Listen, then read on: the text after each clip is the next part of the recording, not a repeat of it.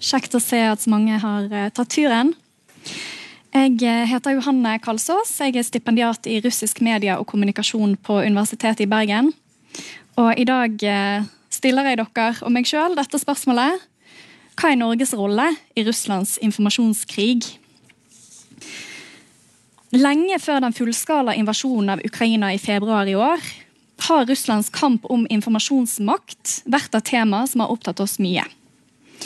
Særlig etter det amerikanske presidentvalget i 2016 og avsløringene om massiv russisk innblanding for å påvirke valgresultatet, har stater her i Vesten delt en kollektiv frykt for russiske forsøk på å manipulere vår offentlige debatt. Og Så langt har Norge tilsynelatende vært forskånet fra denne nye informasjonstrusselen. Det er ikke avdekket systematiske, koordinerte russiske påvirkningskampanjer mot landet vårt. Men betyr dette faktisk at Norge ikke har noen plass i Russlands informasjonskrig? For å sette en ramme rundt dagens foredrag så vil jeg begynne med å gi en kort introduksjon av min bakgrunn og forskning. Forskningsfeltet mitt er det som jeg kaller for Russlands indre informasjonskrig. Særlig sånn den utkjempes på internett. Kreml sin kamp om informasjonsmakt har nemlig to fronter. En ytre front, som retter seg mot oss, søker å påvirke oss. Dette er den dimensjonen vi får beskrevet i trusselvurderinger fra norske sikkerhetsmyndigheter. Men informasjonskrigen har òg en indre front, som søker å påvirke Russlands egen offentlighet. Dette er en front i informasjonskrigen som vi ofte overser. Men det burde vi kanskje ikke, fordi at strategiene, virkemidlene og ikke minst narrativene som brukes i denne krigen, den utvikles og finpusses ofte på hjemmebane før de mobiliseres internasjonalt. For var det sånn at Disse notoriske russiske trollfabrikkene de ble først mobilisert i forbindelse med den kontroversielle, kontroversielle gjeninnsettelsen av Putin i 2012. Så jeg er interessert i hvilken funksjon Norge, nordmenn og det norske har i den indre russiske informasjonskrigen. For å prøve å finne ut av dette så undersøker jeg narrativ om Norge i russisk nettdebatt tilknyttet tre nyere, spenningsfylte hendelser i det norsk-russiske forholdet. Frode Berg-saken fra 2017, 75-årsjubileet for frigjøringen av Øst-Finnmark i 2019 og cyberangrepet mot Stortinget, som ble attribuert til russiske statlige aktører i 2020. Men i dag så vil jeg prøve å gi dere et litt mer overordnet innblikk i hvilke norgesfortellinger som hersker i den russiske offentligheten.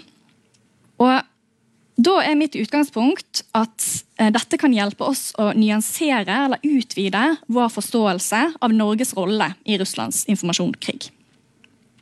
Vi skal snakke om de store linjene i russiske fortellinger om Norge. Og hva som har endret seg siden spenningen mellom landene våre steg markant, først i 2014 og etter den fullskala invasjonen av Ukraina i februar. Vi skal også snakke litt om betydningen av å analysere narrativ på ulike nivåer. Spesifikt forholdet mellom offisielle diskurser og brukerskapt innhold på nett. Og her på skjermen gir jeg dere en liten teaser fra hvordan sånt nettinnhold kan se ut. Dette er en uh, norgesmeme fra en nettside som heter pikabo.ru. Som er en slags russisk versjon av Reddit, hvis noen av dere kjenner til det. Implisitt i denne memen om uh, norske skolejenter, så ligger det jo et narrativ om at eh, Norge er rett og slett overtatt av muslimer, og at eh, norske skolejenter er presset ut av innvandrere. Så hvorfor skal vi bry oss om narrativ? Jeg tenkte å begynne med en helt enkel definisjon. Narrativ er ganske enkelt en fortelling. Eh, og Gjennom dette foredraget så bruker jeg ofte disse to termene narrativ og fortelling litt om hverandre. Men vi bruker gjerne begrepet narrativ om mer spesielle fortellingsformer. Særlig ideologi ideologiserte måter å fremstille oss sjøl og andre på. Narrativ hjelper oss å skape orden og generalisere og finne sammenhenger i en kaotisk og kompleks verden. Det er helt grunnleggende menneskelig å søke etter narrative rammeverk for hvordan vi skal tolke nye hendelser og situasjoner. Narrativene er sentrale for hvordan vi oppfatter virkeligheten. hvordan vi behandler informasjon, og hvordan vi samhandler med andre. Men derfor er de jo òg så mektige. Russlands angrepskrig på Ukraina har på mest brutale vis demonstrert nettopp hvor stor makt narrativ kan ha. Russiske myndigheter har gjennom mange år kultivert en fortelling om at Ukraina er en feilet stat som er kolonialisert av USA og Vesten for å destabilisere Russland. Det er et land uten eget språk eller egen historie. Og alt det Ukraina er, har vært eller noensinne kommer til å kunne være, er en del av Russland. Narrativet om at Ukraina har kollapset til et fascistisk terrorregime som driver folkemord på etniske russere, brukes for å legitimere en brutal angrepskrig som Europa ikke har sett siden andre verdenskrig. Narrativene som undergraver Ukrainas uavhengighet, smelter samtidig sammen med større narrativ om hva og hvem Russland er. Og her står nettopp andre verdenskrig sentralt. Putin regime har satt Sovjetunionens seier over nazistene i sentrum av det russiske nasjonale identitetsprosjektet. Gjennom å ramme angrepskrigen mot Ukraina inn som et heroisk forsvar, en måte å beskytte Russland og hele Europa mot fascismens klør Gjennom å gjøre dette så rører disse narrativene ved dypt forankrede og veldig følelsesladde kulturelle minner. Men la oss ta et skritt tilbake fra krigen i Ukraina og sette konteksten for russiske narrativ om Norge. Uten å gå for langt inn i myten om at det gamle Rus, altså den tidligste slaviske statsdannelsen som Russland sporer sin opprinnelsesfortelling til, eh, at den ble stiftet av vikinger, så er det ikke tvil om at Norge og Russland har hatt et helt spesielt historisk forhold. På bildet her så ser dere det første kartet over den norsk-russiske grensen, som ble tegnet av en norsk og en russisk offiser tilbake i 1825. Dette kartet dannet grunnlaget for Grensekonvensjonen, som ble signert av våre to land i 1826. Og I dag, nesten 200 år senere, så ligger denne grensen fortsatt på samme sted. I det store og hele uendret, ubestridt og uberørt av verken krig, konflikt eller imperiers fall. I europeisk sammenheng så er dette ganske unikt. I russisk sammenheng så er det nærmest uhørt. Og Det er derfor ikke uten grunn at Russlands utenriksminister Sergej Lavrov har kalt den norsk-russiske grensen citat, den eldste og fredeligste på hele det europeiske kontinentet, og kanskje ikke bare på det europeiske. Denne historiske freden er selvfølgelig ikke bare et resultat av noen sånn ekstraordinær form for gjensidig storsinnethet. Heller handler det kanskje først og fremst om at den norsk-russiske grensen er så perifer for begge land. I det tynt befolkede og ofte marginaliserte høye nord. Denne karrige periferien langt fra sentralmaktene har òg gjennom historien gjort kontakt på tvers av grensen helt nødvendig. Fra 1700-tallets pomorhandel til Barentssamarbeidet fra 90-tallet så er det sånn at folk i grenseområdene alltid har hatt langt tettere bånd til hverandre enn Oslo og Moskva. Som vi skal komme tilbake til, så har den spesielle situasjonen i grensesonen vært veldig veldig viktig òg for russiske norgesfortellinger. Det finnes mange måter å definere russiske norgesnarrativ på. Og Min tilnærming her er på ingen måte uttømmende eller nødvendigvis tilstrekkelig nyansert. Som jeg skal komme tilbake til senere, så er det jo selvfølgelig heller ikke sånn at de samme narrativene har like stor resonans på alle eh, nivåer av russisk offentlighet. Eller at fortellingen om Norge høres identisk ut uansett hva stemmer du lytter til. I denne sammenheng så kan det være relevant å minne om at min presentasjon av russiske narrativ i seg sjøl er nettopp et narrativ og følgelig preget av nødvendigheten av å forenkle og systematisere fenomener som i sin natur er langt mer komplekse. Med disse forbeholdene vil jeg likevel trekke frem syv norgesnarrativ som har stått sentralt i dominante russiske offentlige diskurser det siste tiåret. I disse diskursene er det først og fremst russiske myndigheter og de statskontrollerte mediene som har makten. Grovt forenklet kan vi sortere disse offisielt sanksjonerte narrativene ut fra om de formidler Norge som en venn eller en fiende av Russland. På skjermen bak meg så ser dere eh, bilder av to statuer som står på hver sin side av den norsk-russiske grensen. Og jeg synes Disse statuene symboliserer de to narrativkategoriene godt. Statuen til høyre i bildet er frigjøringsmonumentet i Kirkenes. Det er reist til minne om de sovjetiske soldatene som kjempet og falt på norsk jord under frigjøringen av Øst-Finnmark i oktober 1944. Dette minnesmerket symboliserer altså fred, frihet og solidaritet på tvers av grensen. Statuen til venstre den er òg et minnesmerke for andre verdenskrig. Det massive 42 meter høye Aljosja-monumentet i Murmansk, noen få timers kjøring fra frigjøringshelten i Kirkenes, er dedisert til forsvarerne av det sovjetiske Arktis og fedrelandet. Denne statuen har ansiktet vendt mot vest, i retning norskegrensen, der de tyske soldatene kom for, fra for å okkupere Sovjetunionen i 1941. Aljosja er soldaten som alltid er på vakt, alltid skuer etter trusler og fiender utenfra, fra vest, klar til å slå de tilbake. La oss begynne med den første kategorien av russiske norgesfortellinger, symbolisert av frigjøringsmonumenter i Kirkenes. Der Norge altså skildres som Russlands venn. Det første og kanskje viktigste av disse narrativene springer på mange måter nettopp ut av krigsminnet i nord.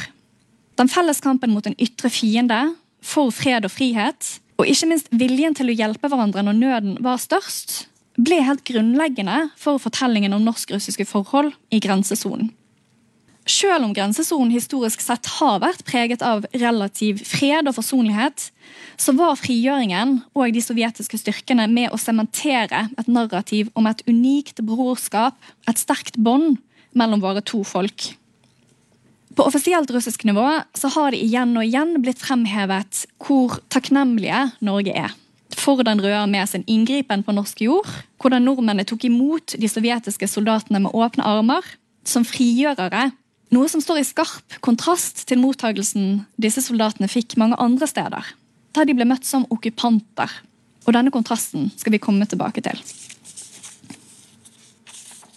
Som en slags forlengelse av frigjøringsminnet er narrativet om den arktiske fredssonen.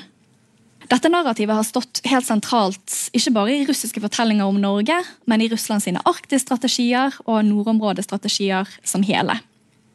Sentralt her er ideen om at de arktiske områdene, innbefattet grensen til Norge, er eksepsjonelle for sin tradisjon for fred, dialog og samarbeid. Her har folk og stater måttet jobbe sammen om forskning og kunnskapsutvikling, naturvern, søk og redning, og selvfølgelig forvaltning av naturressurser. Ifølge russiske myndigheter er det derfor av avgjørende betydning at Arktis beskyttes mot utenrikspolitiske spenninger på andre områder. I tråd med dette tankesettet vil Kreml for mene at situasjonen i Ukraina ikke bør ha noen som helst innflytelse på norsk nordområdepolitikk eller på hvordan vi samarbeider med Russland i nord. Grensesonen må fredes, uavhengig av hvor uenige Norge er med Russlands politikk på andre områder. Det tredje narrativet resonnerer òg på mange måter med fortellingen om at den norsk-russiske grensen er noe grunnleggende unikt og annerledes. I offisiell russisk diskurs så har nemlig Norge ofte blitt trukket fram som et slags annerledes land og en potensiell megler mellom Russland og Vesten. Så seint som i eh, oktober 2019 så kalte utenriksminister Lavrov Norge for citat, en mulig bro mellom Russland og Nato som kan bidra til å normalisere forholdet. Selv om vi var et av landene som var med å grunnlegge Nato, så var det altså noe annerledes med oss i russisk offentlighet så har det blitt framhevet at Norge på tross av press har stått fast på vår lavspenningspolitikk og prinsippet om at det ikke skal åpnes baser for fremmede militære styrker, primært amerikanske, på norsk jord. Det samme gjelder vårt nei om å delta i NATO sitt rakettskjold. Sammen med at vi ikke er med i EU og har fortsatt å understreke betydningen av dialog og samarbeid med Russland i nordområdene, til og med i perioder med økende geopolitiske spenninger, er dette med å befeste narrativet om at Norge er noe fundamentalt annet enn det såkalte kollektive Vesten. Når vi nå går videre til den andre kategorien av russiske norgesfortellinger, der Norge skildres som Russlands fiende, så oppdager vi raskt at noen av narrativene fra den første kategorien på et vis inverteres, snus på hodet. De samme elementene som befester Norges posisjon som en venn, kan nemlig i en retorisk håndvending brukes for å tegne et fiendebilde. Den fjerde dominante russiske norgesfortellingen viser f.eks. nettopp til vårt medlemskap i Nato og vår nære tilknytning til EU for å fortelle at Norge ikke er noe annerledes i det hele tatt. Vi er en del av den kollektive Vesten, som ønsker å undertrykke og til og med utslette Russland. Vi lar amerikanske soldater holde øvelser på norsk jord. Vi bygger opp forsvaret vårt, og vi krenker den arktiske fredssonen gjennom økt militarisering. Til alt overmål er Natos generalsekretær norsk. Heller enn en mulig bro mellom Russland og Nato blir Norge innenfor dette narrativet en mulig front i Vestens angrep. Vi er Natos spydspiss i nord. Ikke en bro for dialog, men for aggresjon. I sammenheng med dette fiendebildet finner vi òg en fortelling som har illevarslende gjenklang i narrativene rundt invasjonen av Ukraina. Norge er ikke en suveren stat. Vi er USA sin vassal og militærkoloni. Vi har ingen uavhengig russlandspolitikk alle våre handlinger i forholdet til Russland, sånn som avgjørelsen om å delta i EU sitt sanksjonsregime etter annekteringen av Krim i 2014, de er diktert ovenfra. Ifølge russiske myndigheter så er dagens norske russlandspolitikk nemlig ikke i Norges interesse. Det er ikke i Norges interesse å bremse samarbeidet. Vi handler nå på en måte som ikke bare truer forholdet vårt til Russland, men hele vår eksistens. Vi utsletter oss sjøl for å blidgjøre overherrene på andre siden av Atlanterhavet. Et sjette russisk norgesnarrativ spiller på det sterke krigsminnet og historien om frigjøringen av Nord-Norge, som vi snakket om tidligere. Denne gangen så blir imidlertid historien snudd på hodet. Norge har glemt at Den røde armé frigjorde oss. Vi er ikke takknemlige nok. Vi har kastet bort minnet om krigen, vi har trakket på gravene til våre besteforeldre, som tok imot russerne med åpne armer. Og vi har vanæret det historiske solidaritetsbåndet mellom våre to folk. Vi har rett og slett sviktet vår egen fortid gjennom å angripe de som kom for å forsvare oss. På denne måten er vi igjen ikke noe annerledes fra resten av Vesten, som angivelig har forfalsket historien om andre verdenskrig og gitt USA den helterollen som egentlig tilhører Sovjetunionens arvtaker, altså Russland. Det var Sovjetunionen og Russland som bekjempet fascismen i Europa. Men det har vi glemt, og nå lar vi igjen denne fascismen med utspring i Ukraina for å forgifte kontinentet vårt. Det siste russiske norgesnarrativet som jeg vil trekke frem, handler om at landet vårt rett og slett er i ferd med å kollapse. Dette er et narrativ som på ingen måte er unikt for Norge. I stedet inngår det i en større fortelling om at Europa som hele er på sammenbruddets rand. Samfunnene våre er ødelagt av politiske splittelser. Liberalisme og frihetskamp har resultert i lovløshet, og kulturen vår er utvasket av innvandring. Dere husker memen eh, om de norske skolejentene fra i sted? Vi har mistet vårt moralske kompass og de grunnleggende verdiene som våre forfedre en gang bygget samfunnet på. Selv om denne forfallsfortellingen ikke er unik for Norge, så er det ofte nettopp landet vårt som blir trukket fram som et skrekkeksempel på vestlig dekadanse. Vårt forsvar for et flerkulturelt samfunn der mennesker står fritt til å elske den de vil, uavhengig av legning eller kjønnsidentitet, konstrueres i russisk offentlighet som den ultimate kulturelle fallitterklæring. I stedet for å beskytte barna våre, så bombarderer vi de med homopropaganda og snikislamisering i den politiske korrekthetens navn. Dette narrativet spiller òg inn i en av de store mesterfortellingene til russiske myndigheter. Russland er den egentlige beskytteren av moral, rettskaffenhet og tradisjonelle verdier i Europa. I min forskning har jeg undersøkt russiske norgesfortellinger eh, i forbindelse med kontroversielle hendelser i det bilaterale forholdet. Altså i perioder der den politiske spenningen mellom landene våre har steget. Som nevnt har jeg sett på narrativer rundt Frode Berg-saken, frigjøringsjubileet og cyberangrepet mot Stortinget. Hva karakteriserte de russiske fortellingene om Norge i sammenheng med disse hendelsene? Er det lille landet vårt egentlig noe særlig å snakke om? Ved første øyekast så kan svaret på dette siste spørsmålet kanskje se ut til å være nei. Konflikter med Norge er ikke et tema som vanligvis har skapt spesielt høy temperatur i den russiske offentligheten. Kanskje er vi, dessverre for vårt eget selvbilde, nettopp for små og ubetydelige til å egentlig være noe videre å bry seg med. Dette er òg noe som ofte nevnes helt eksplisitt i nettdebattene som jeg har undersøkt. Norge er jo så langt fra en trussel eh, for Russland som overhodet mulig. Vi klarer ikke engang å sende ordentlige spioner. Alt vi har å avse, er blåøyde pensjonister med litt for høy BMI. Vi er så veike at nazistene okkuperte oss på bare noen dager. Og vi klarte ikke å gjøre noe med det før sovjetstyrkene aller nådigst viste oss barmhjertighet fire år seinere. Til slutt så er vi så unnselige i verdenssammenheng at vi til og med må dikte opp et russisk cyberangrep mot parlamentet vårt for at Nato skal huske på at vi i det hele tatt eksisterer.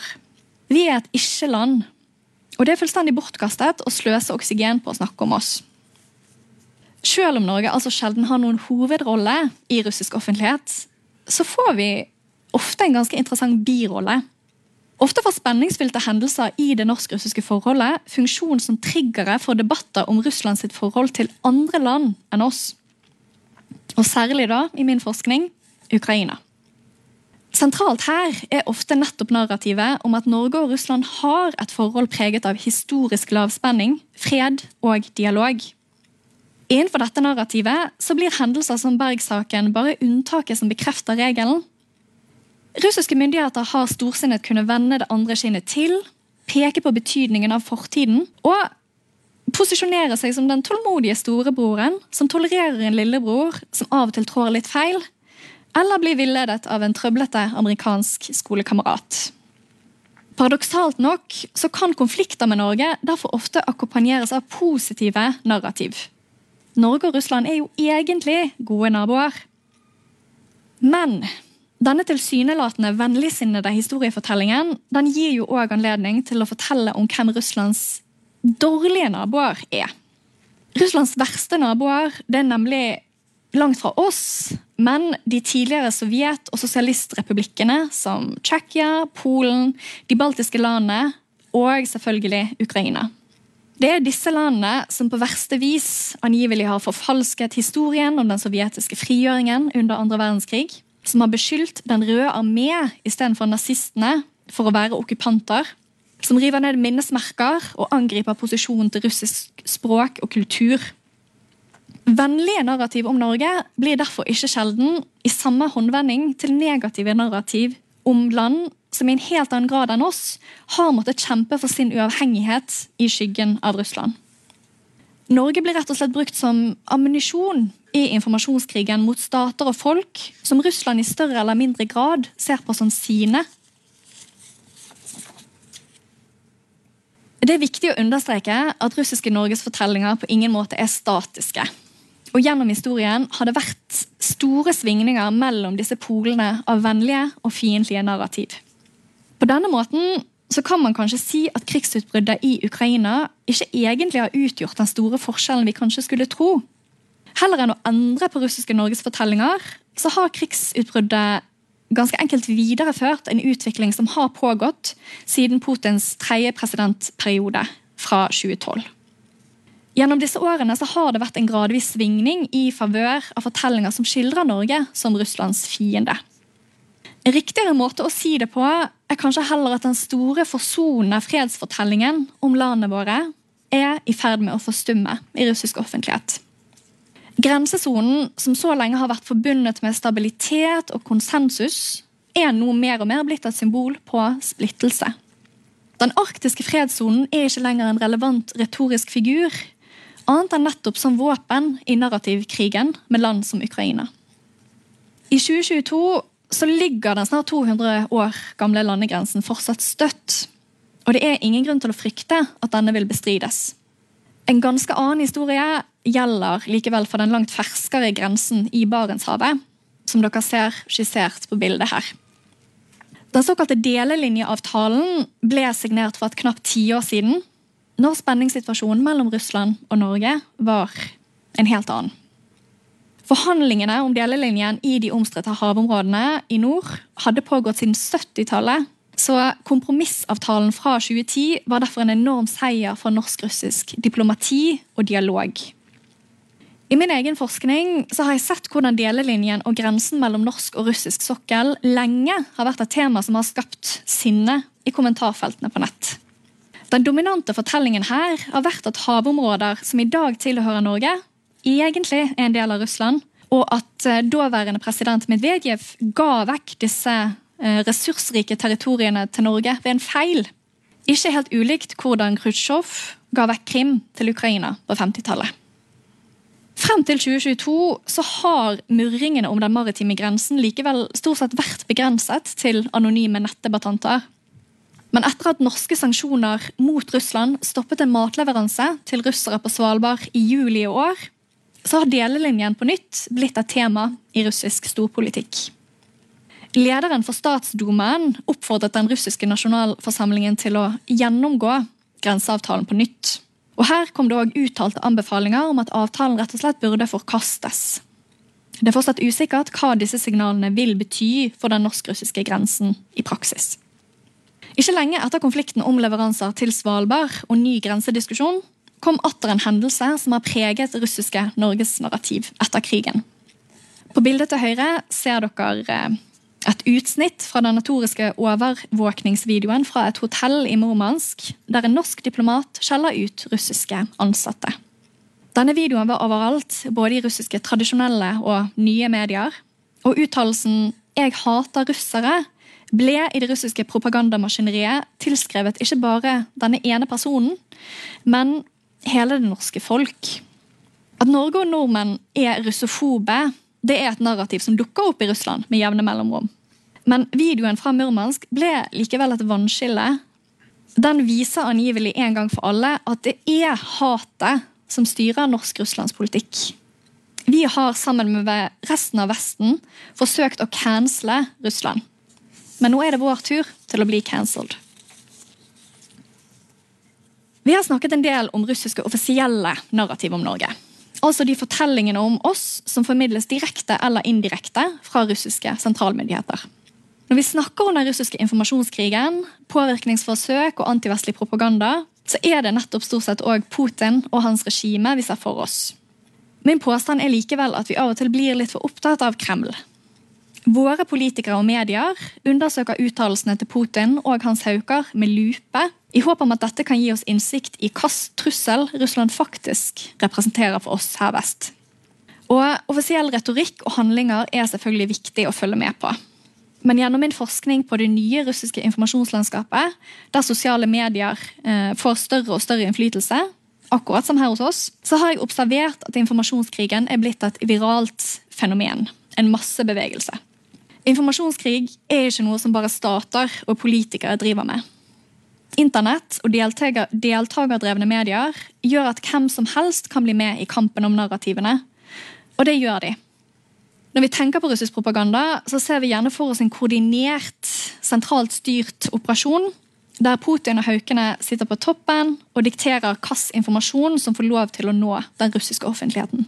Men dette er en foreldet forestilling basert på kommunikasjonslogikken fra Sovjetunionen. I 2020-2022 så er bildet et ganske annet. Det russiske regimet har nemlig virkelig innsett at internett har voldsom påvirkningskraft.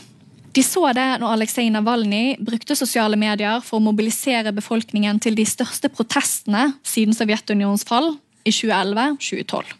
Og Siden den gang så har regimet kjempet en innbitt innsats for å ikke bare få kontroll over internett og hindre at alternative regimekritiske narrativ, som f.eks. Navalny sitt, får plass i den russiske digitale offentligheten, men òg for sjøl å kunne bruke disse nye mediene som et våpen i sin egen informasjonskrig.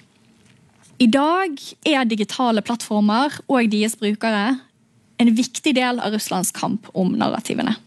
Kreml kan i dag på mange måter delegere eller crowdsource denne kampen til ikke-statlige aktører på nett. I noen tilfeller så er denne delegeringen eh, koordinert. Vi har alle hørt om de såkalte trollfabrikkene, der unge mennesker jobber fulltid for å poste regimevennlig innhold både på russiske og internasjonale segmenter av internett.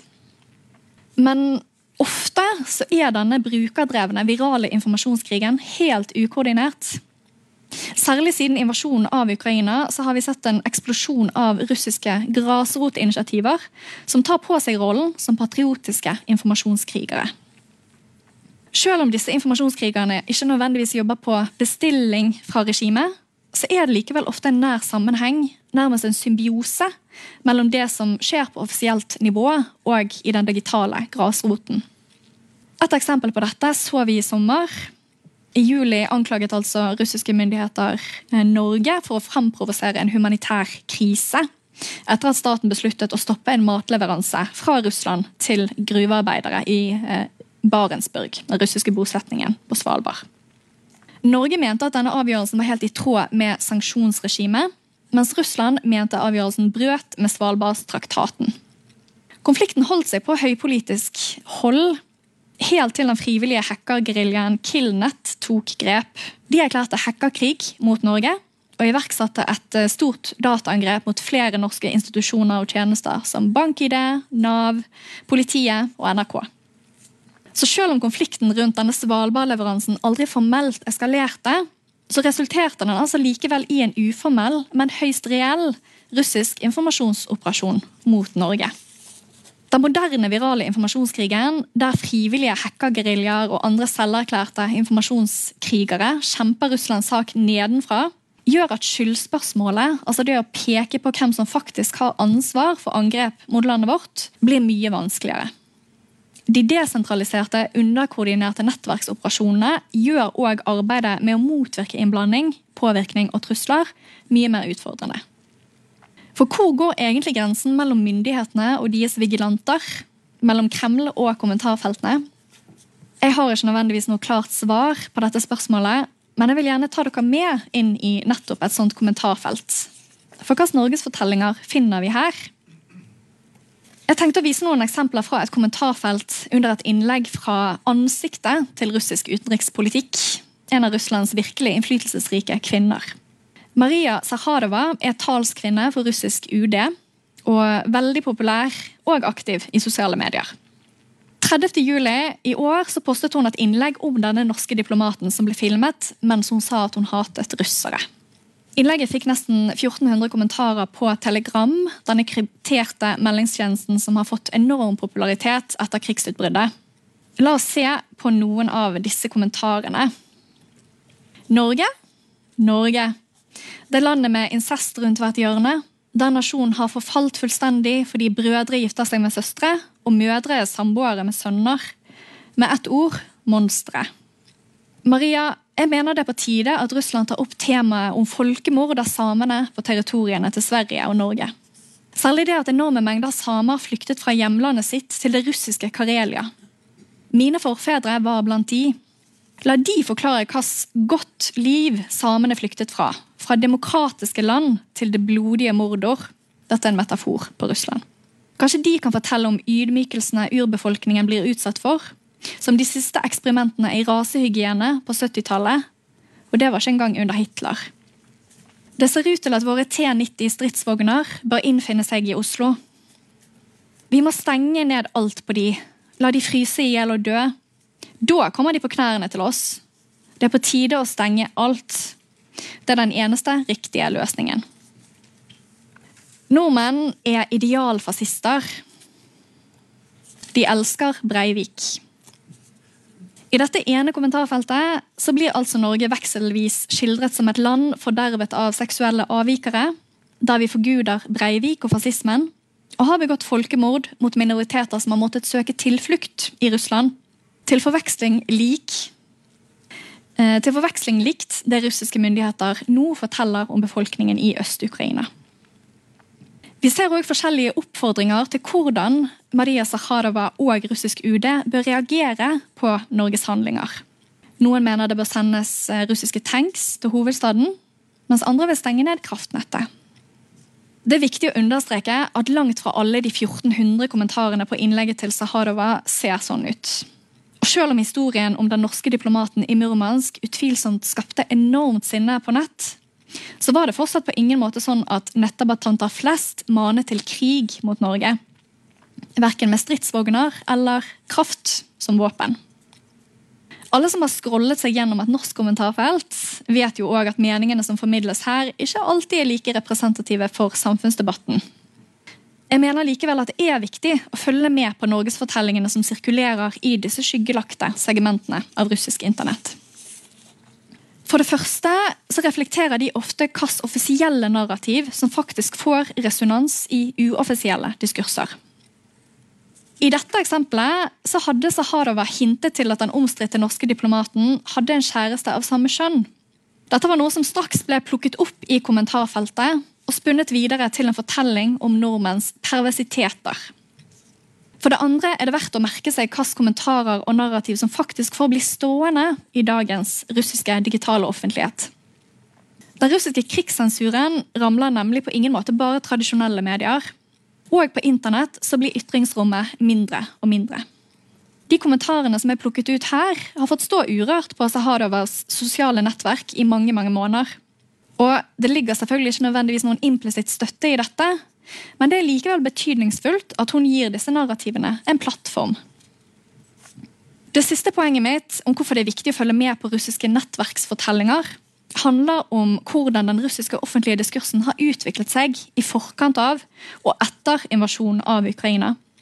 Jeg skal innrømme at når jeg leste nettdiskusjoner fra 2019 om at Russland burde knuse ned den ukrainske fascismen, så tenkte jeg at dette var typisk kommentarfelthissing. Dette var i marginene av den russiske offentligheten. Det var gutteromsspråk heller enn narrativ med noen reell politisk slagkraft.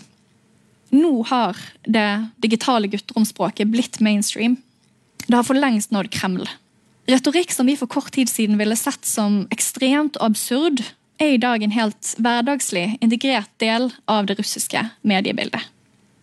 Vi må ikke begå den feilen å avfeie narrativene til kommentarfeltkrigerne. Den deltakerdrevne informasjonskrigen har nemlig gitt de langt større innflytelse enn det vi kanskje tør å gjette. Så hva kan vi konkludere om Norges rolle i Russlands informasjonskrig? Og mer spesifikt kampen om narrativene. Det mest påfallende ved russiske norgesfortellinger er kanskje denne store graden av spenninger mellom tilsynelatende gjensidig utelukkende forestillinger. Er vi egentlig nordfronten i Vestens angrep på Russland, eller er vi en fredsmegler? Er vi bare en ikke-suveren amerikansk militærkoloni eller er vi det lille annerledeslandet som kan fostre dialog og forsoning? Denne ambivalente flertydigheten kan kanskje virke kaotisk, forvirrende og litt lite hensiktsmessig, men i realiteten så kan den være et sterkt retorisk virkemiddel. Flertydigheten gir Kreml og deres propagandaapparat en unik fleksibilitet når det kommer til å konstruere forestillingene om Norge i russisk offentlighet. Norge kan tegnes som både venn og fiende avhengig av hvilken funksjon myndighetene trenger at vi fyller i den pågående informasjonskrigen, både mot egen befolkning og mot resten av verden. I forlengelsen av dette så ligger det en viktig innsikt. Norges rolle i Russlands informasjonskrig handler ikke bare om oss. Kanskje er vår aller viktigste funksjon som en birolle i informasjonskrigen mot land og folk Russland anser som en del av sitt historiske territorium. Og akkurat nå først og fremst Ukraina. Det er derfor ingen grunn til å lettet konkludere med at vi ikke er en aktør i Russlands informasjonsoffensiv, bare fordi vi ikke nødvendigvis frem til nå har vært et direkte mål for han. På samme måte må vi være forsiktige med å klappe oss sjøl på ryggen for de positive russiske norgesfortellingene, der vi figurerer som en fredelig og samarbeidsvillig nabo i nord. Disse positive narrativene er nemlig ikke sjelden en del av en større fiendefortelling om Russlands andre, angivelig mindre samarbeidsvillige naboer. Russisk velvilje mot Norge kan altså ha en dyster skyggeside som vi ikke må overse. Selv om positive norgesfortellinger har hatt en viktig rolle i russisk offentlighet, så ser vi òg en endring i retning økt eh, fiendtliggjøring i nyere tid. Særlig etter opptrappingen av konflikten med Ukraina og Vesten. Eh, det mest påfallende her er kanskje eh, at en av de store mesterfortellingene om norsk-russiske forhold nemlig om den arktiske fredssonen og den enestående stabile grensen, ser ut til å forsvinne mer og mer. Nye diskusjoner om fordeling av havområder og oppfordringer om at Russland må trekke seg fra delelinjeavtalen, er det synligste signalet på dette. Til slutt er det viktig å understreke igjen at Kreml på ingen måte har monopol på russiske norgesfortellinger. Deltakerdrevne medier spiller en stadig større rolle i russisk offentlighet. Og de har gjort at informasjonskrigen er langt mer desentralisert og kompleks enn tidligere.